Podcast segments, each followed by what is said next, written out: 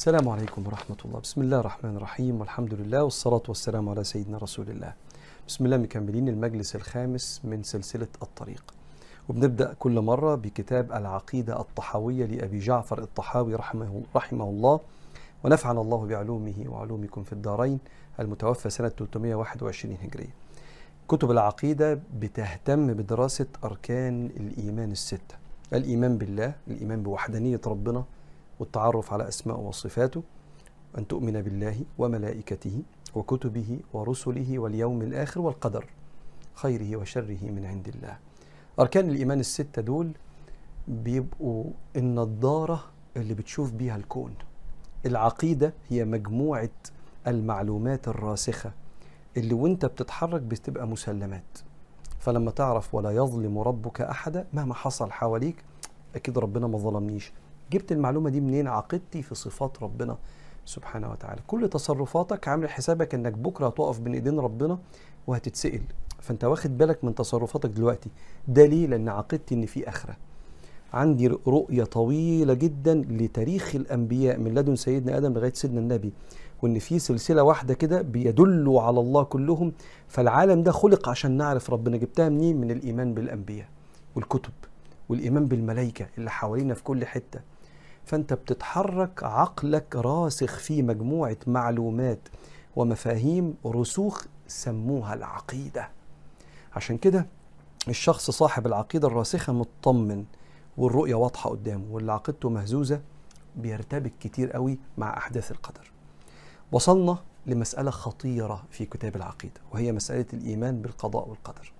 وأقول لك خطيرة ليه؟ لأن هي مسألة محتاجة منك تسليم وإيمان. خلينا نقرأ كلام الإمام الطحاوي وبعدين أشرح لحضراتكم. قال الإمام الكبير رحمه الله خلق الخلق بعلمه وقدر لهم أقدارا وضرب لهم آجالا ولم يخفى عليه شيء قبل أن يخلقهم وعلم ما هم عاملون قبل أن يخلقهم وأمرهم بطاعته ونهاهم عن معصيته وكل شيء يجري بقدرته ومشيئته ومشيئته تنفذ. ولا مشيئة للعباد إلا ما شاء لهم. فما شاء لهم كان وما لم يشأ لم يكن. يهدي من يشاء ويعفي ويع ويعصم ويعافي فضلا. يهدي من يشاء ويعصم ويعافي فضلا. ويضل من يشاء ويخذل ويبتلي عدلا. وكلهم متقلبون في مشيئته بين فضله وعدله. بقول لك ليه مسألة خطيرة؟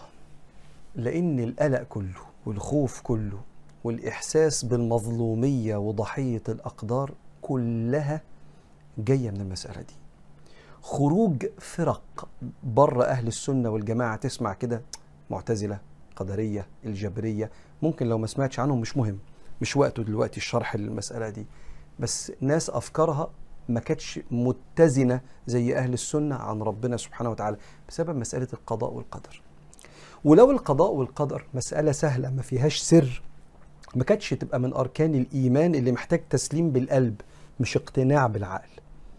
لأن أركان الإيمان الستة اللي بتبدأ بالإيمان بالله والملائكة والكتب والرسل أنا في حاجات كتير مش مدركها بعقلي بس آمنت بيها بقلبي.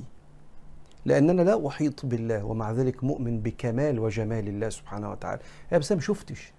آه بس أنا فهمت حاجات خلتني أؤمن وأصدق. مش زي بني إسرائيل لن نؤمن لك حتى نرى الله جهرة لا إحنا آمنا بالله.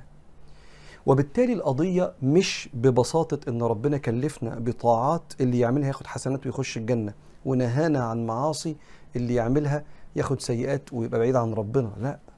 الموضوع فيه عمق في سر. والسر ده اسمه سر القدر اللي بنؤمن بيه بقلوبنا. وتعالوا مع بعض واحدة واحدة كده لأن أنا لما العلماء علمونا وشرحوا لنا فكرة إن في سر في الموضوع اطمنا ودي تجربتي اللي عايز أنقلها لكم. الإيمان بالقضاء والقدر بيخلي البني آدم مركز قوي في شغله واللي مطلوب منه ومذاكرته وسعيه على الرزق. بكم كبير جدا من اجتهاد الجسد والعقل لكن القلب سايبها على الله. وعارف أنه لا يكون في ملك الله إلا ما أراد. وهنا في سر في الموضوع. طول ما إحنا ماشيين في حتة كده هقول لك آمن وسلم هنا. واللي بيطلب الاقتناع المنطقي الكامل بمسألة القضاء والقدر بيتعب. بيتعب وبيوصل لمراحل من السخط على أقدار الله لأنه مش فاهم ده ليه حصل معاه. ومسألة الإيمان بالقضاء والقدر أصلها الثقة في كمال صفات ربنا وإن ربنا ما بيغلطش وما بيظلمش وإن كل فعل من الله له حكمة حتى لو كان في ظاهره خير أو في ظاهره شر هناك حكمة دائما من الله. عشان كده وأنا بحكي لك على مسألة القضاء والقدر طول ما إحنا ماشيين هقول لك ده اسمه سر القدر. الأول يعني إيه القضاء والقدر؟ العلماء عندهم يعني زي رأيين في المسألة. يقولوا القدر الحاجة اللي ربنا كاتبها ولما تحصل في الدنيا بقى اسمها قضاء قضي الأمر. فلو ربنا كاتب عنده إن في واحد هيتولد اسمه محمود سنة 2050 ده قدر. لما يتولد صار قضاء. وساعات يقولوا العكس. اللي مكتوب عنده قضاء ولما يحصل يبقى اسمه قدر. اتنفذ اللي فوق نزل تحت بقى اسمه قدر. أنا قلبي بيستريح لتقسيمة العلماء اللي مكتوب اسمه قدر ولما يحصل يبقى قضي الأمر يبقى قضاء ربنا نفذ زي ما بيقول. أي حاجة بس حبيت انقل لك أقوال آه العلماء. وهنا آه محتاج أن أنا أشرح لك حاجة بيسموها العلماء دوائر القدر. إيه دوائر القدر دي؟ سر القدر إنك أنت توفق ما بين الثلاث دوائر دول. دايرة مكتوب فيها إن مفيش حد يقدر يغلب ربنا ويقهر ربنا. فأنا مثلا عايز أقطع رزقك وربنا عايز يرزقك يريد. فأنا لو قطعت رزقك رغما عن الله يبقى أنا قهرت ربنا يبقى أنا أقوى من ربنا. أنا ما أقدرش أعمل كده وأنا وأنت عارفين إن إحنا ما نقدرش نعمل كده. يبقى لا يكون في ملك الله إلا ما أراد. ليست هناك إرادة قاهرة غالبة لإرادة ربنا. فأنا ما أقدرش أعمل حاجة إلا ما أرادها الله. يبقى الدايرة الأولى مكتوب فيها لا يكون في ملك الله إلا ما أراد. يقول ربنا في القرآن وربك يخلق ما يشاء ويختار ما كان لهم الخيره يعني ما فيش حد ينفع يختار اختيار ربنا مش عايزه لا يريده فيقهر إرادة ربنا. الدايره الأولى لا يكون في ملك الله إلا ما أراد. وده يقين قطعي. إحنا متأكدين من كده. الدايره الثانية أن الإنسان سيحاسب على أفعاله واختياراته. اللي بنى مش زي اللي هدم. اللي ساعد مش زي اللي أذى. اللي شرب خمرة مش زي اللي صلى. وبالتالي وكل إنسان ألزمناه طائره في عنقه. ونخرج له يوم القيامة كتابا يلقاه منشورا. مفتوح. اقرأ كتابك. كفى بنفسك اليوم عليك حسيبا. من اهتدى فإنما يهتدي لنفسه ومن ضل فإنما يضل عليها. يقينا الإنسان محاسب يوم القيامة على أفعاله واختياراته. يبقى الدايرة الأولى ما فيش حد يعمل حاجة إلا بإرادة ربنا. الدايرة الثانية أنت محاسب. الدايرة الثالثه ولا يظلم ربك أحدا. ودي دايرة برضو قطعية برضو. إن لا يكون في ملك الله إلا ما أراد وهو غير ظالم وأنت محاسب. وسر القدر هو قدرتك على الربط ما بين الثلاثه دول. وقدرتك إنك تؤمن وتتصالح إن في غيب في المسألة. وإن النبي لما حط الإيمان بقدر الله والأحداث اللي ربنا قدرها عليك إمتى هتموت؟ إمتى هتتجوز؟ هتبقى غني ولا فقير؟ آه في شيء من إن أنا هو مين اللي عمل كده يا جماعة؟ ربنا؟ طب خلاص. ما دام ربنا كامل الصفات يبقى خلاص. آمنت بالله. أيوه بس أنت هتتسال عن اختياراتك. حاضر. حاضر. أنا هركز واختار الصح. ولو ما اخترتش صح هتوب لربنا وراح اختار الصح. ولا يكون في ملك الله إلا ما أراد. شايف الاتنين دول؟ اللي قال فيها الشيخ الشعراوي الجسد يعمل والقلب يتوكل. أيوه يعني إيه يعني؟ لما توكل على ربنا وخلاص هو اللي يجيب لي الرزق. قال له لا لازم الجسد يعمل. هو الجسد يعمل ولا ربنا اللي بيرزق؟ قال له فامشوا في مناكبها وكلوا من رزقه. يبقى الرزق نازل من عند ربنا بس أنا مطلوب مني العمل. طب ما أقعد في بيتي ما أشتغلش. قال له تبقى آثم.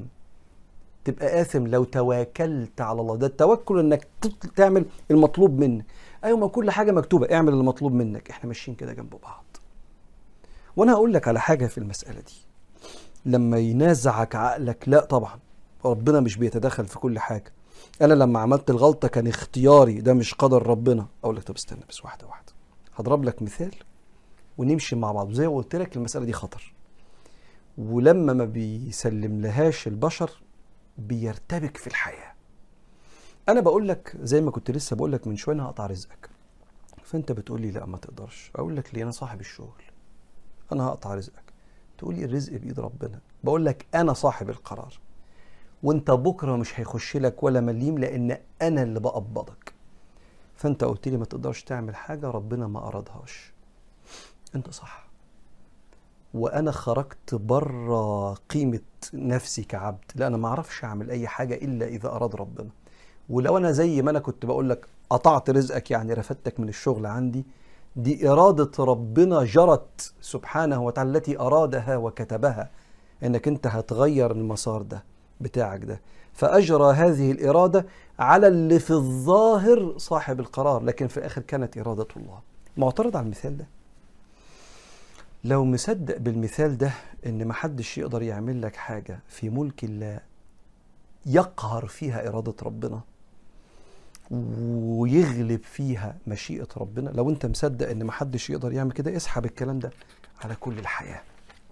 الله سبحانه وتعالى لم يمر عليه لحظة جهل ولن يمر عليه لحظة جهل فهو بكل شيء عليم.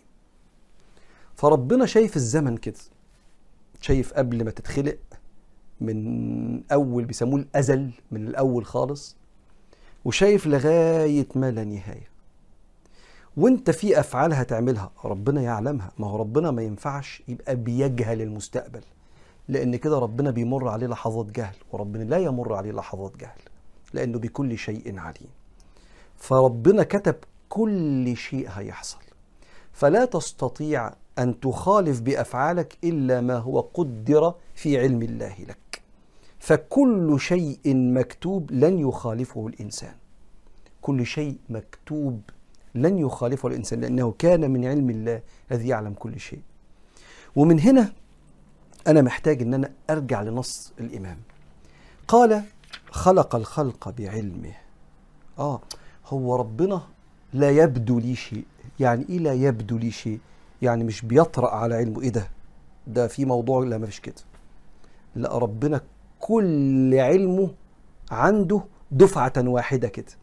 ما فيش شيء مستجد. فربنا سبحانه وتعالى عارف اللي هيتولد سنة 2300 لو الدنيا لسه موجودة هو داخل الجنة ولا داخل النار؟ ويعلم كل شيء. فواحد يقول إيه بقى؟ وده سؤال بشري في شيطان كبير في الحتة دي برضه. سؤال بشري لما هو عارف كل حاجة ليه عمل كده؟ أقول له استنى.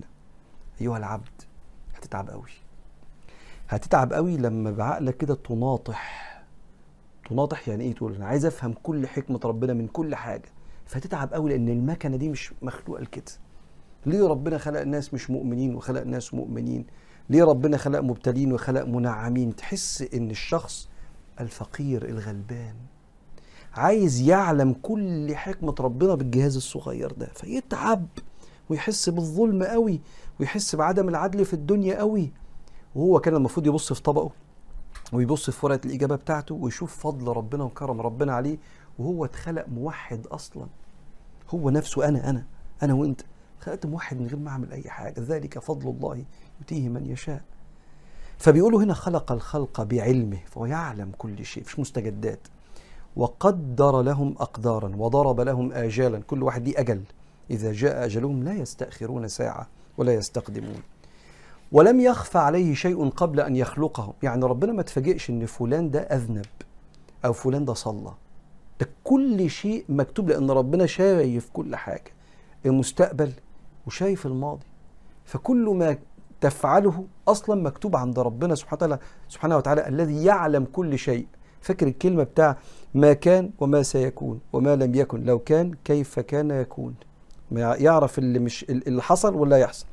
واللي ما حصلش لو حصل هيحصل إزاي؟ كل شيء ربنا يعلمه قبل أن يخلقهم وعلم ما هم عاملون قبل أن يخلقهم.